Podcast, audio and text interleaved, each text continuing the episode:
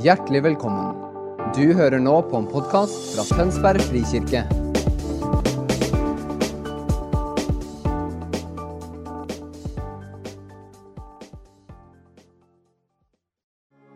Thank you that your presence is here tonight.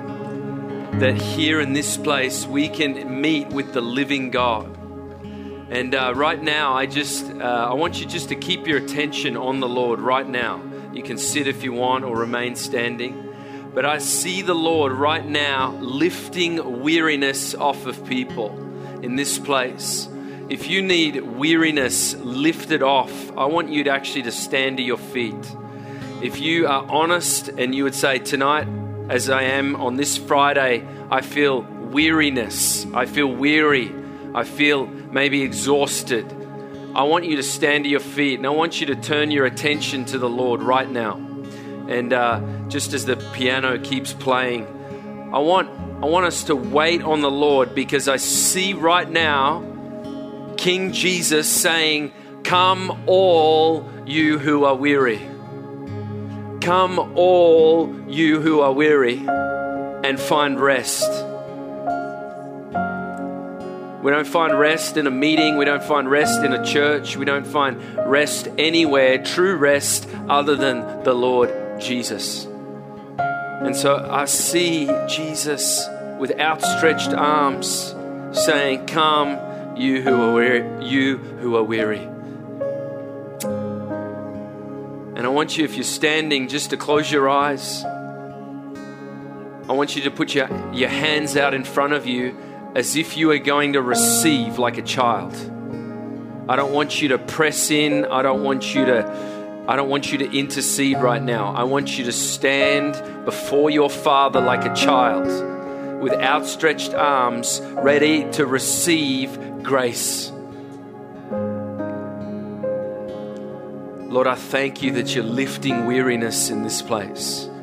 I thank you that you're lifting weariness off of people. Lord, I even declare deliverance uh, from spirits that are not of you in Jesus' name. Afflicting spirits that are not of you. I declare deliverance in Jesus' name. I declare, God, rest. I thank you for rest. Thank you that weariness is just being lifted off of people. I was recently in a meeting in Oslo where someone had trauma, and in the meeting, they literally felt this is what she said something went flying out of my head. She'd had a traumatic car accident, and she said something went flying out of my head in the meeting tonight. Lord, I declare that same kind of experience tonight. The weariness is lifted and rest comes. Lord, I thank you for rest. rest in Jesus. And I specifically see people finding rest in the pleasure of God. I specifically see there are people here tonight, and you are finding rest in the pleasure of your Father. Know, God smiles. Did you know that? God smiles. Our Father smiles.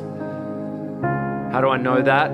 Jesus was anointed with the oil of joy more than all of his companions. And so the Father is smiling over you. And so I thank you for rest in the pleasure of God. He's pleased with you.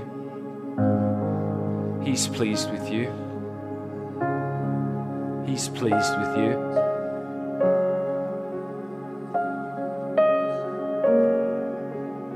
Thank you, God. No more weariness in this place.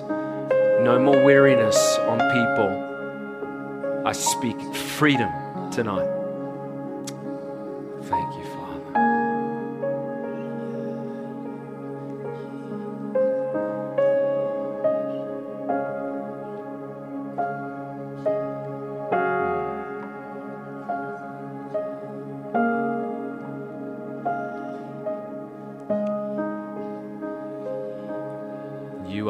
Loved, hmm, then He gives you rest.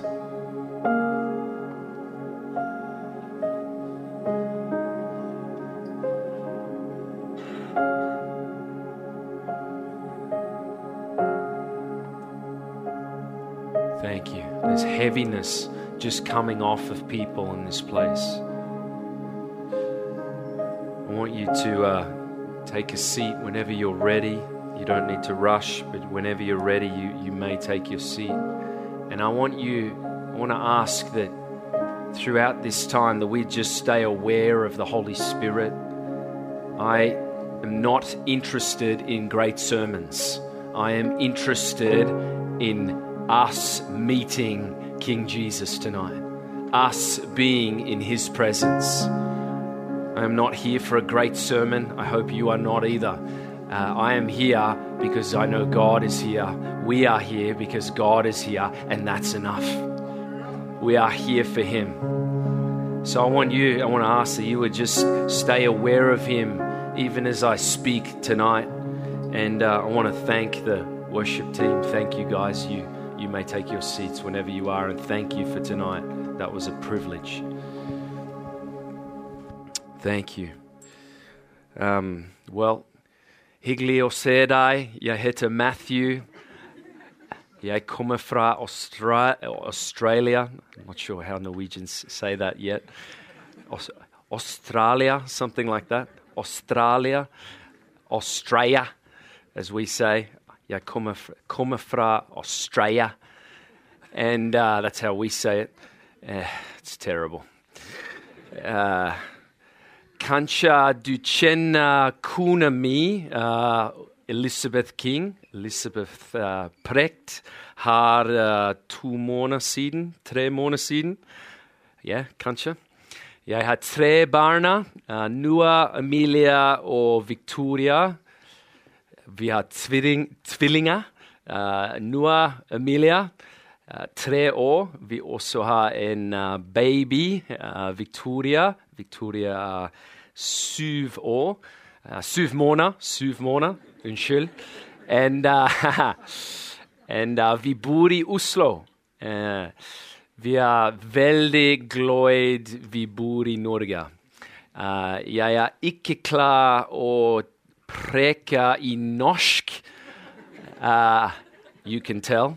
Uh, but skal vi for meg? Uh, jeg vil preke i norsk someday. So I have faith for that. Do you have faith for that, Morten? Thank you. Do you have faith for that? That I might preach a message in Norwegian one day. I think it's not, maybe not so far away. Yeah. But uh, as I say to some, I will, um, you know, in God's house is peace and joy. So I will not speak Norwegian for too long in the house of peace and joy. Otherwise, you might all start to leave. Uh, we are, I am so thankful to live in this wonderful country. I love uh, this country, and uh, we have lived here for five years. Uh, I had a, a, very great life. Elizabeth and I were married um, in and living in California, actually. So we met at uh, Bible school at Bethel Church. Uh, we met in 2000 and, uh, t- we met in 2011 got married in 2013, and uh, then we were both on staff as pastors at Bethel Church in California. And uh, we were uh, on staff as pastors uh, in California. Uh, Vem vill ha godterier? Uh, veldig snart, det er lørdagsgodteridag. Huh? Yeah? Trish, there you go, my friend. Trish, to one Australian to another. Um, so we were on staff at Bethel Church having a great time. The nations, you know, coming to Redding in California, uh, a house of revival, a house of God's presence, a school of ministry that had more than 2,000 people in it. And uh, everything was great. And then God started to speak to us. he started to say, Europe, Europe.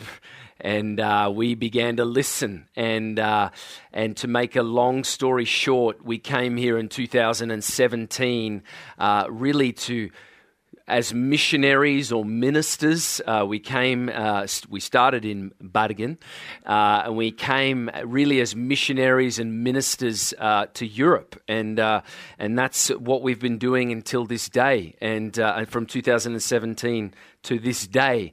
And so, uh, as of today, I'm a, a, still a missionary and minister for Bethel Church. I, I still work a little bit for Bethel Church.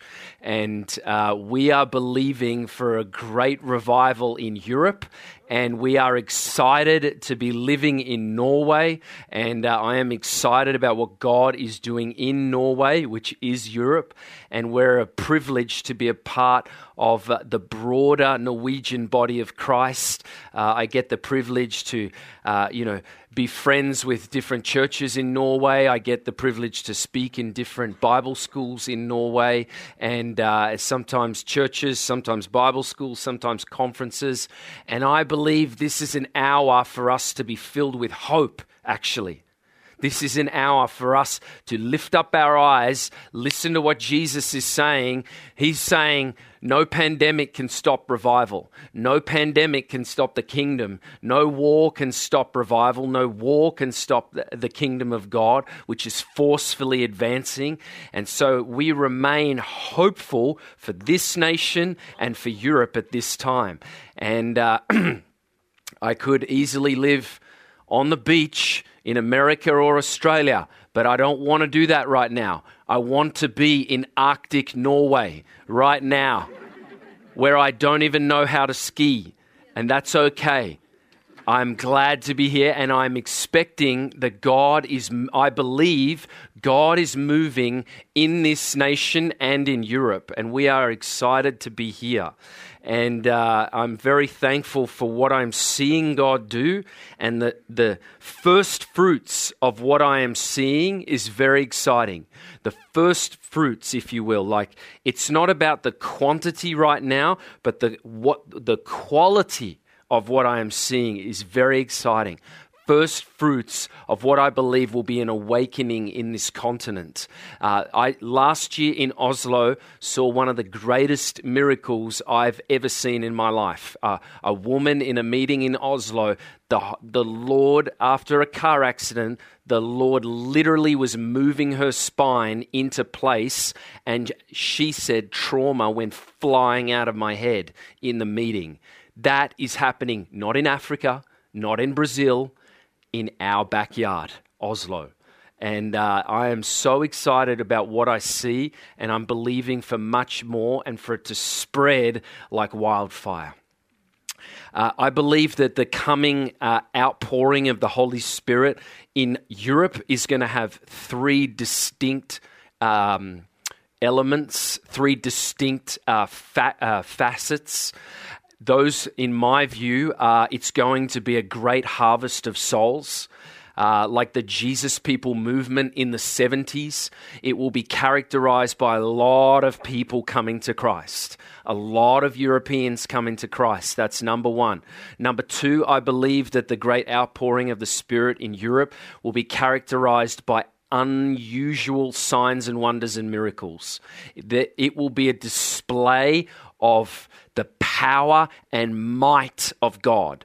Open display of the power and might of God. Signs and wonders and miracles. Not just by preachers on a platform, but by young and old, grey haired, you know, blonde haired like my kids, you know, uh, uh, tall, short, church workers, those working in the marketplace and in business. It will be a display of signs and wonders and miracles by all the body of Christ. And number three is what I want to talk about tonight.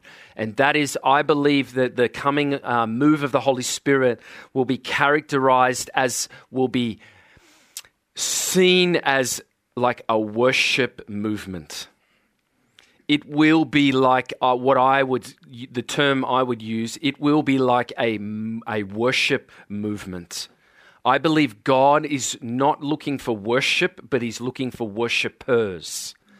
and what God is raising up, the people that God is raising up in Europe, and the people that are going to be right in the midst of this outpouring of the Spirit, this revival, they are going to be, people will look and say, those are a worshiping people. They are a worshiping people. That church is a worshiping church. That church is a worshiping church. That home group is a worshiping home group. That family is a worshiping family. That lady is a worshiping lady. That man, come on, men, that man is a worshiping man. Yes, us men too. Maybe us men, we, I'm looking forward to when we see more men dancing in church. I remember growing up, there were men that danced in my church. Trish can confirm that. I love it when men dance before the Lord, like David. And so, I sh- and now I need to do it sometime because I just said that. So now, now I really have to do it. But we will see, I believe, in this continent, a great worship movement the church will be known for the presence of the Lord. I want to say that again. The church of Europe and Norway will be known not for smoke machines, skinny jeans, and great coffee, but for the presence of the Lord. Our times of prayer and singing will look like face to face encounters with the Lord.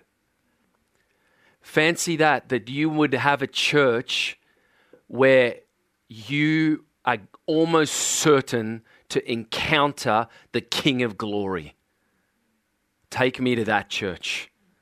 This is a church like that. And I actually want to prophesy over this church, Tønsberg Frikirke. I actually want to prophesy over this church. And Morten, I'm declaring that this is a church that will be a worship center in Norway. I believe the Holy Spirit showed me that uh, just as we were singing uh, a moment ago this will be a worship center in Norway. I believe God's heart for Tønsberg Frikirke is this is to be a worship center. This is a place of the harp and the bowls of incense being offered up to King Jesus. And this is a place where people will come because they're not interested in great information and great programs. They'll come because they want to worship God and they want to be face to face with the Lord as a man speaks to his friend. Moses was face to face with the Lord as a man, and God spoke to him like a man speaks to his friend. Moses encountered God. And this house of worship, this worship center, is going to be a place where people will be face to face with God. They will encounter God. And so people will come not because Morten, your preaching is so good. They will come because the presence of the Lord is here. And this is going to be a place of worship. And I believe that that is characteristic of also what God is doing in Norway and Europe. And I want to talk to you tonight about coming back to the Lord's altar. Coming back to the Lord's altar. You see, in the beginning of God's covenant relationship with Israel, there was an altar. When God established the tent of meeting with Moses and the children of Israel, one of the first things that was put there and built was a golden altar. At the end of this grand story of redemption of Jesus and his bride, there is an altar before the Lord right now, and in the end, there is still an altar before the Lord. So, from the beginning to the end, there has been and always will be an altar before the Lord. And it is our great privilege to come before that altar as individuals, as men, women, young, and old.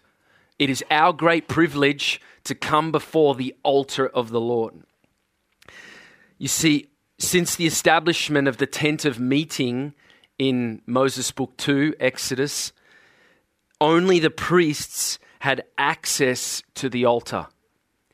In the beginning, only the priests had access to the altar. But you and I have become priests before our God. Because of the blood of Jesus, the scriptures say we are now priests before God. We have become a royal priesthood, a holy people. That's uh, Hebrews. We are, uh, sorry, it's uh, Second Peter. We have become a royal priesthood, and we are now priests before the living God. We have a high priest, his name is Jesus, but we are priests before the living God. Did you know you're a priest? You might not have that beautiful collar, that, that sacred uh, you know, garment, in a sense. However, you and I, because of the work of Jesus at the cross and his resurrection and his atoning blood, we are now priests before our living God. And as priests, do you know what our first ministry is? Our first ministry is not to the poor. It is not even to uh, Israel. It is not to the nation we live in.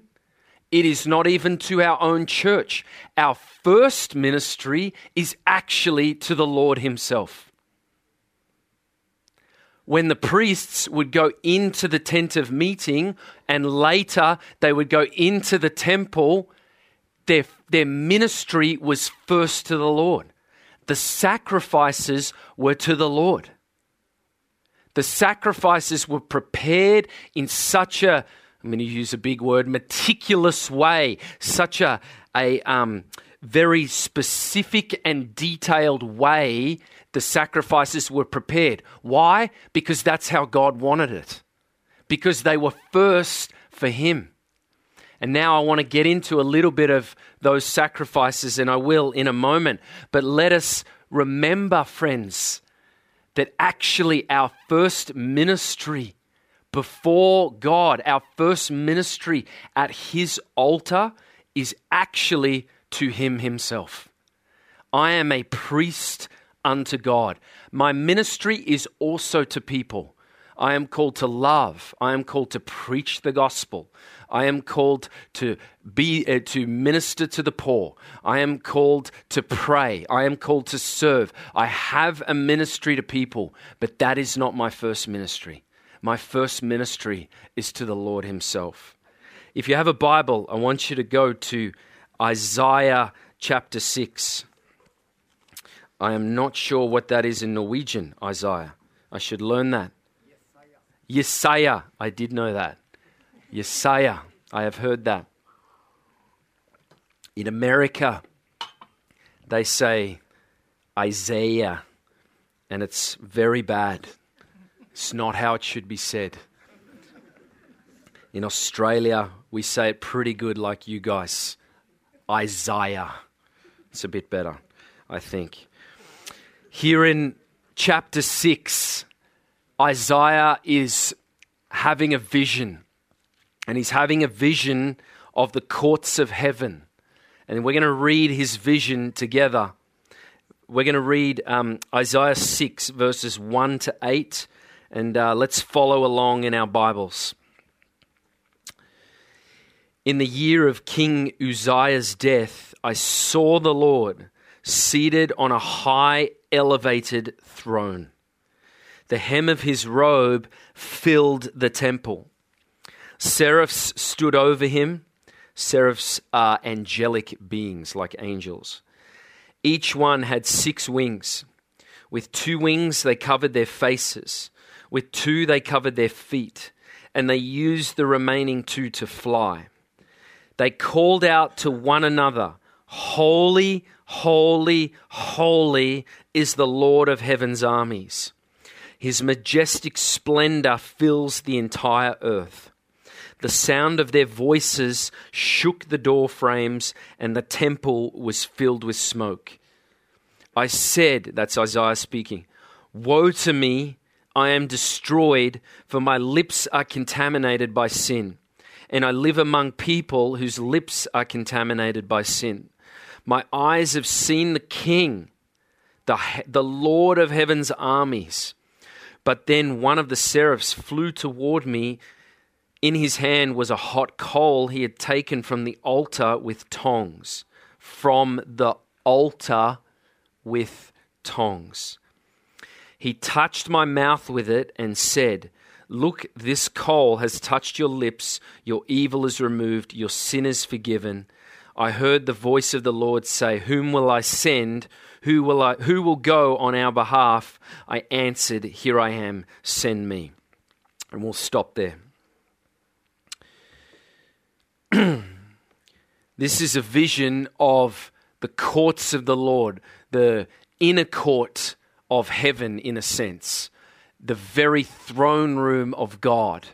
And we saw in verse 1 that the Lord is seated on an elevated throne.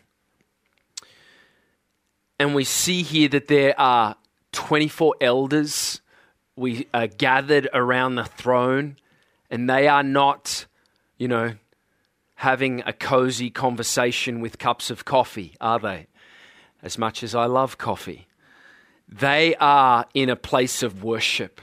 We see angelic beings covering their faces. They, it's like they can't contain the glory of God.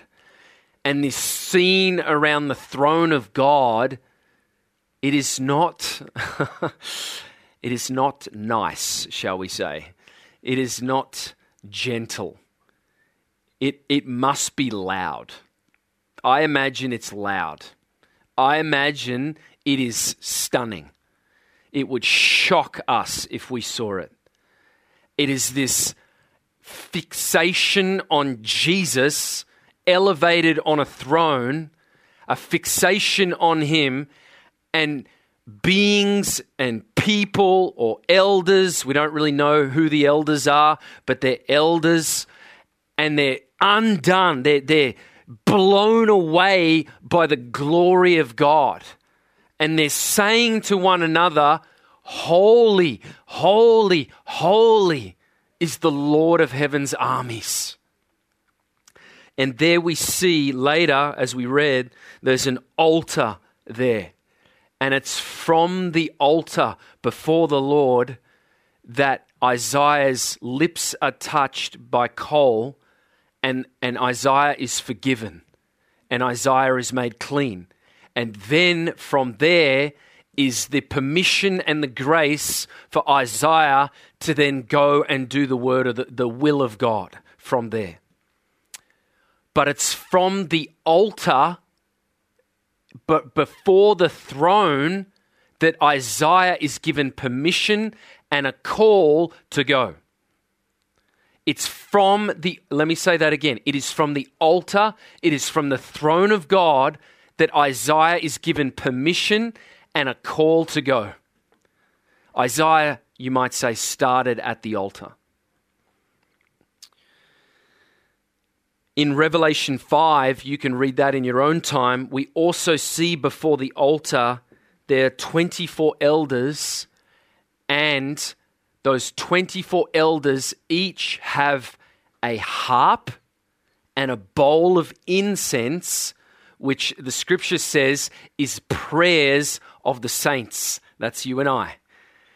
So, what do they have? Each of those elders, they have a harp, according to Revelation 5. They have a harp and they have bowls of incense, which are the prayers of the saints, you and I. But I want to come back to the fact they have a harp. The elders have a harp. A harp speaks of music. A harp speaks of, they, uh, you see later in Revelation 5 that they are singing to the Lord. It is music, it is singing to the Lord. It is not simply just words, it is something that the scripture seems to identify as something different. So there, uh, there are prayers being offered, but there is also the harp. I, uh, before I came to Norway, I had never ever heard of something called a prayer conference. I've been a Christian since I was about nine years old.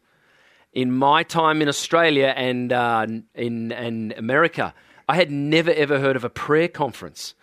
And I see here in, in Norway, they're everywhere. And uh, my wife's uh, brother-in-law, he, he organizes this one every year in Haugesund. And uh, it's like all these people come, and it's, it's a beautiful conference. And uh, I'm like, wow, a conference on prayer. That is, I never heard of that before. That is awesome. And I see here in, in Norway this incredible um, this this it's like a grace and i'm going to use the word like a mandate to pray like i see that in norway. I, I honestly did not i feel like i do not see the same in australia. It's different in australia. But i see this incredible grace and mandate to pray. And that is amazing. And i think that is something that i i thank god for a praying nation you know, I thank God for a praying nation. You're a bit like the Africans, you know, the Africans, they can have these, or the Koreans, they can have these prayer meetings that last for hours and hours. And I thank God for that. But worship is something different. It's, it, I think prayer can be worship, but worship, scripturally speaking, has, it is a different place. It is something different. And I would like to draw your attention to the fact that the elders not only had the bowls of incense, they also had a harp. And I would ask you, as my friend, you might be a, a, man or woman of prayer, but are you a man or woman of worship? In John 4, Jesus said the Father is not looking for worship, the Father is looking for worshippers he said to the woman at the well at Samaria, the Samaritan woman, sorry. He said, The Father is looking for worshippers. Are you a worshipper? You see, when you see prayer, I think worship has a value because worship is often in ex- worship has such a unique special place because worship is often an expression of pure love for God. Prayer is often requests, or in English we say we use this word supplications. Supplications, if you have a New King James Bible. Prayer is often we are asking the Lord for something, uh, we are declaring that something will happen. Prayer can also be just simply, I love you, God. I love you, Father. I love you, Holy Spirit. It can be that as well. But worship, I feel like, is often characterized, or worship is often an overflow of just simply exaltation or praise or thanksgiving to God or love to God. I love the Norwegian word for worship, love sung, love sung, love sung. I, I struggle with that one. Love sung. I love that. Yes, worship is a love song in a sense. Worship is a love song. Prayer is, without prayer, we have no revival, and the nations are going to go like that, shall we say. So we must be a praying people. But worship is not Worship is often a love song. Worship is different. And I want to ask you again are you a worshiper?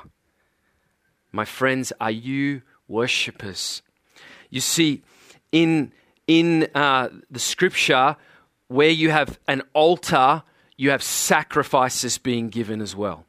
That's, if anyone's read their Bible, there's a lot of animals that die in the Bible. There's a lot of animals that get their throats cut. And why is that? Why are these sacrifices being given? Well, one of the, before the altar, one of, uh, sorry, the most common sacrifice that is offered in our Old Testament in English is called a burnt offering. A burnt offering. And uh, I read today that a burnt offering is a voluntary act of worship It can be atone. It's it's of course it was for atonement for sin, or um, I'm not sure what Norwegian word gets used there, but like a taking away of the sin. Uh, in English, we have that great word atonement, not just like putting the sin over there, like literally casting it away, like removing it completely. So the sacrifices were most definitely for removing the sin. Absolutely. But burnt offerings were also, listen to this, an expression of devotion. Like, I'm devoted to you. Like, I, I am committed to you. I want to give you what I have. I want to give from me to you. Burnt offerings were an expression of devotion, they were commitment and complete surrender to God. I'm talking about burnt offerings in the Old Testament. They were, they were an expression of commitment and complete surrender to God. So the offerings were not just simply about doing away with sin, they were also voluntary acts of worship. They were voluntary acts of expressing one's devotion to God. The offering, I read on BibleStudy.org, the offering symbolized complete surrender or total dedication to God by an individual. And it was the burnt offering that made a pleasing aroma to the Lord that would bring about a response from, from God. So the offering was pleasing, like a pleasing aroma to God, and that would bring about a response from God. I remember seeing that in a crazy way when I was on a mission trip in Honduras, uh, sorry, Nicaragua in South America. We, it was uh, a mission trip to Nicaragua, and this is in 2012. And I'm with a team from the Bethel Bible School, and we are in Nicaragua, and we are in the middle of nowhere. And we are in what I would call like a mud house, like a hut, you know, with steel, you know, plates of steel as the roof. And it was hot and it was it was quite quite an experience. And you know what? The people from the local villages, we were you know in a very remote part of Nicaragua, people would come from the local villages and they would come into this hot mud house with steel plates on the top. And I, you know what I was wearing? Shorts, and in, in Australia we call it a singlet, like a tank top, you know, like what you'd wear to the beach. It was so hot. And you know what? We worshipped, we sang, we danced before God, all of us together. Us, you know, Anglo Saxon descendants of Europe, Australians, Americans, and Europeans. We danced together with the local Nicaraguans. We had this incredible time of worship, and it went on for a long time. Lord, deliver us from 15 minute worship sets. It drives me nuts.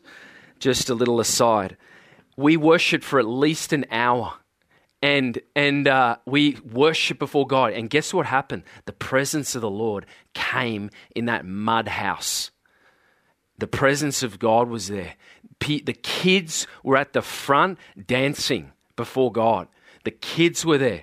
Well, after about an hour, I think it might have been more than an hour, an hour and 10 minutes, the host decides to transition and we're going to move to someone sharing a message. Well, all the kids start to go back to their chairs, but down the front was a little girl that did not move. She stood there. Now, I guess she would have been about seven or eight years old. Have you ever seen a seven or eight year old just in life? They do not stop moving. Seven or eight year olds, they are always going somewhere, doing something. Well, this seven or eight year old she stood there and she didn't move.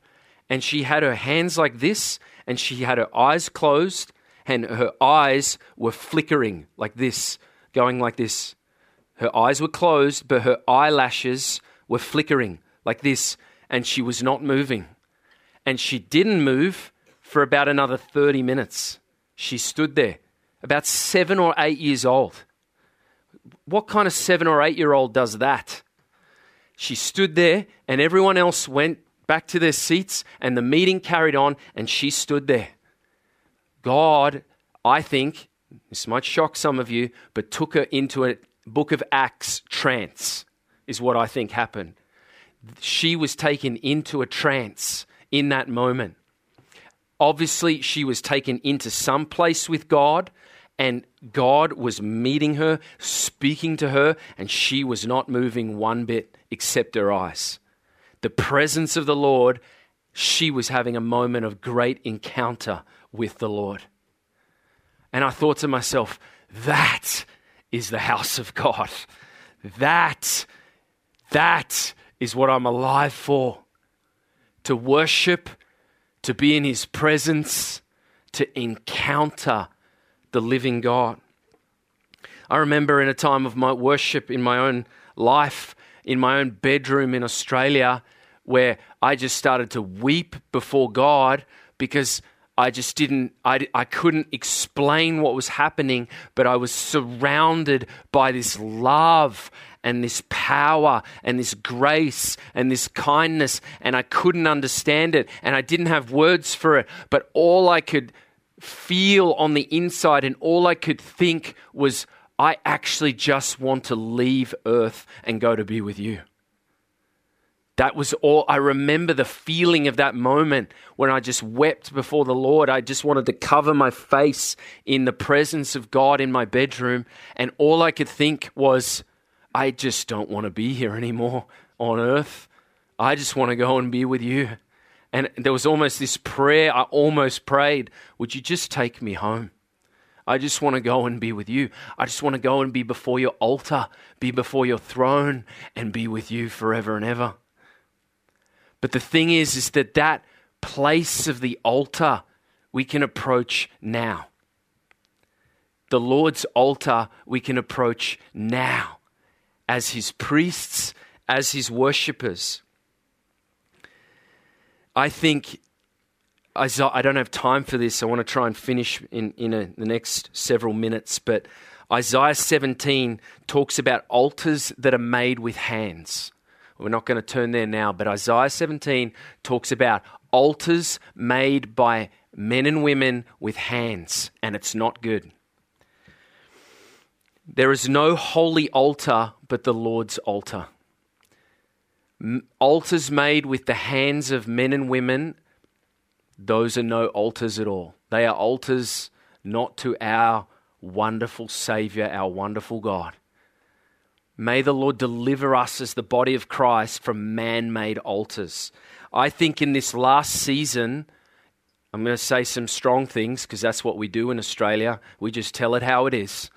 And uh, in this last season, I think the body of Christ has been experiencing some discipline from God. God did not send COVID, but God can use these things.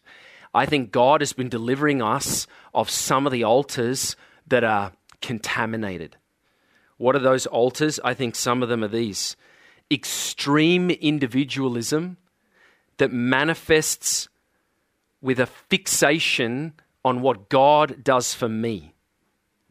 Altars that I come to that are based on what God does for me instead of holy, holy, holy are you, God.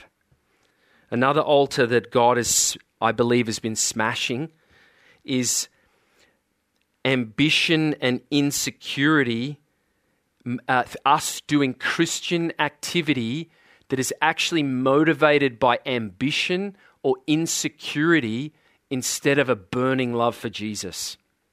And I'm talking about Christian activity like conferences, I love conferences, events, I'm talking about programs we do. I'm talking about building big buildings. I'm talking about what we do in church. I'm talking about what we do in our own lives. Young people, I'm talking about what we do on social media. Like activities that are Christian, but they're motivated by ambition and insecurity and not a burning love for Jesus.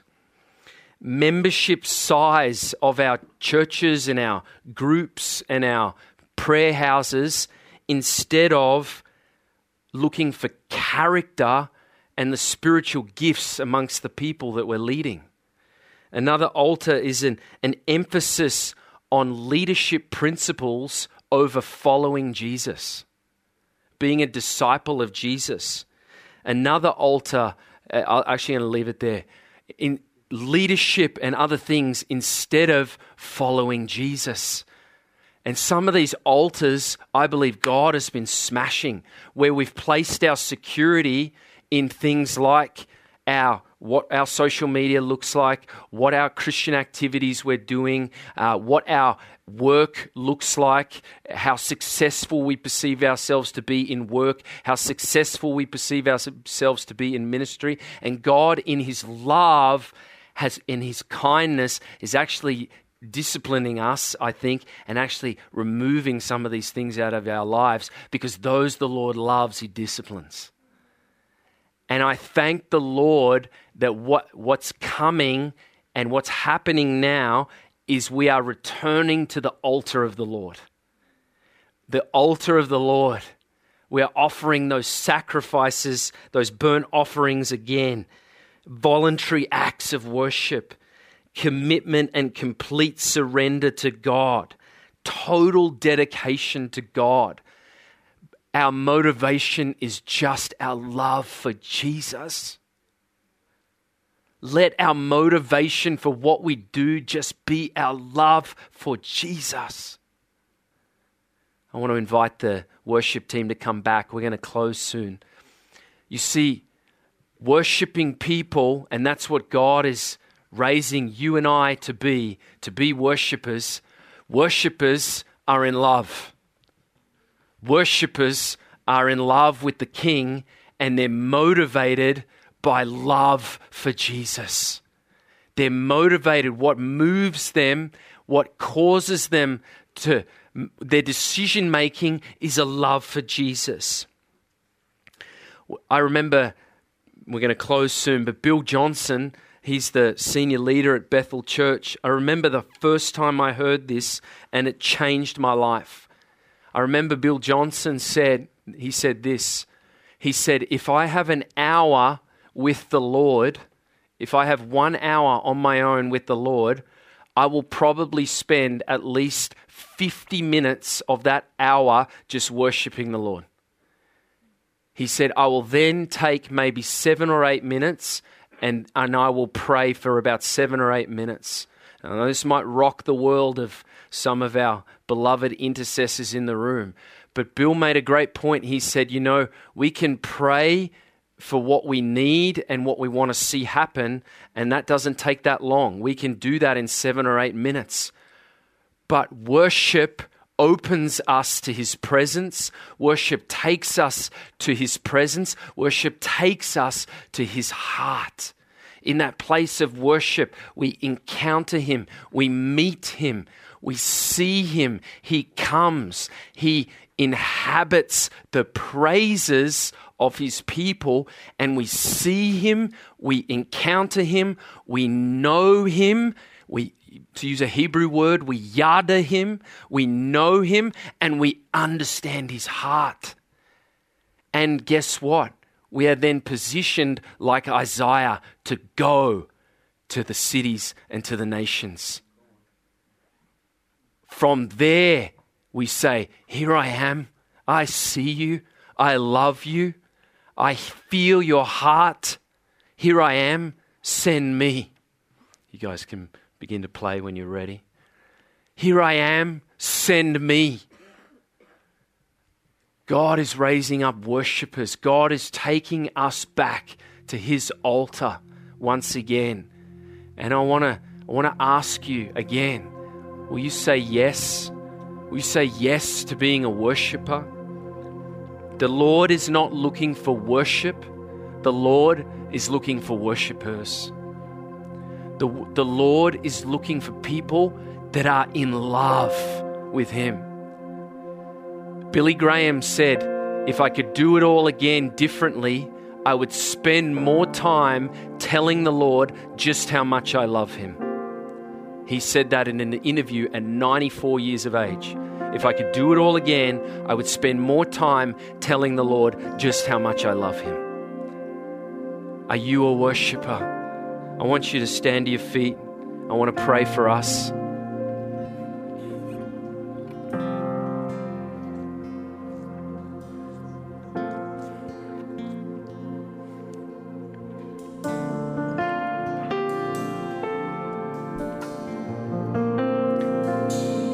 Want you just to maybe put your hands out to the Lord in some way. I, I want you just to kind of put yourself in a place of like surrender or um, I'm going to say like even submission before the Father.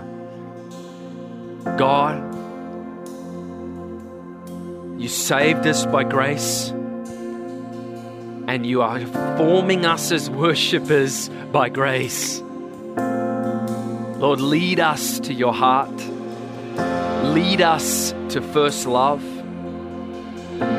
Take us by the hand and let us be dedicated, full surrender to you by your grace, full surrender to you, complete surrender to God by grace, complete commitment to you by grace. Lead us to that place. Lord, I'm asking for worshippers to be raised up in this room. Not just servants, God, not just doers of the word, but worshippers. Lord, let us be those that are in love. Let it be said of us, they are a people that are love sick. Let it be said of us, though those are a people that are love sick. I am my beloved's and he is mine. Lord, let us be worshippers. Take us back to the altar, your altar. Lord, help us to say yes to the smashing of altars that are not your altar. Lord, I say yes to the smashing of altars that are not your altar in my life. I say yes to that. And Father, would you would you take us back to the altar that is before you in our lives? Take us back to the altar that is before you. And I just I just I declare as I'm about to hand back to the to Morten and Eileen, I, I just declare that what is happening right now, I just see what is happening right now is this overwhelming, um, for some of us, there's this overwhelming drawing by the love of God. This overwhelming pull by the love of God. And it's like I just see the love of God just pulling people to the altar. Lord, I thank you for your love just pulling us to the altar, God. You're not you're not hitting us, you're not you're not even like disciplining us. You're not doing that. You're pulling us by your love. Lord, I thank you that you're pulling us to the altar in your love.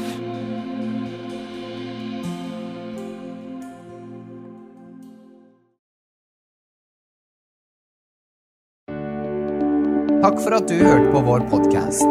Har du spørsmål eller ønsker du å vite mer? Søk oss på vår nettside tonsbergfrikirke.no. Du er også velkommen til kirke på Brygga i Tønsberg.